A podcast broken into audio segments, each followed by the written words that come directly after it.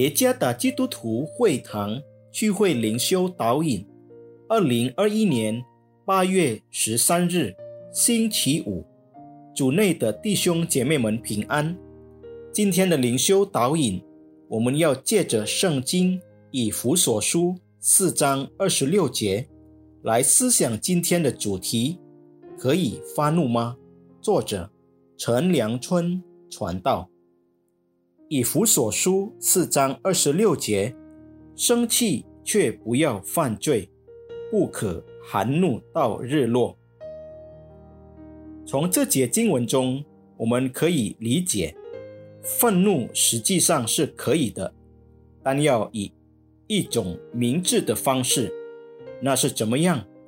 即基于爱的愤怒，目的是建造和纠正行为。并提供解决方案。有罪的愤怒是因仇恨而摧毁他人的愤怒，这是有罪的愤怒，在我们的生活中是不允许的。在你的愤怒熄灭之前，不要保留它，不可以存留愤怒。你是否曾经对某人生气，并且迄今还记得他？当我们想起那个人时，我们会变得恼怒、愤怒、愤恨。这意味着我们仍然有愤怒。上帝当然不喜悦。有些人对父母很生气，所以他们不想照顾父母，甚至忍心留下他们独自过活。最后，他的父母生活在。无人处理中，还有一些人对邻居有敌意。如果他想出门，他们必须绕道而行，以免遇到邻居。这很奇怪，但确实如此。我们来看看，其实如果愤怒被压抑了，它会伤害我们自己，而不是他人。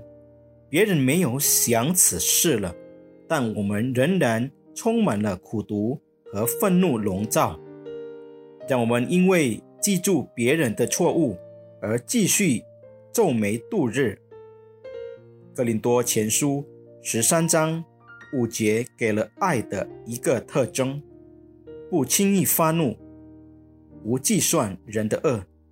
这节经文中愤怒的含义与盲目而有罪的愤怒有关。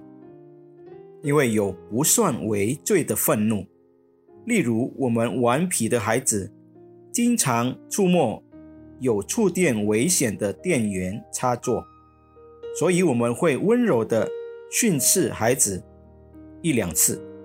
但是如果屡次再犯，那么我们就需要生气，这样我们的孩子才会真正遵守我们的吩咐，祈求上帝赐给我们。一颗充满爱的心，让我们能够控制自己，不轻易发怒，而是要忍耐。生气的时候，想一想，我的愤怒是出于爱，还是恨？愿上帝赐福弟兄姐妹们。妹们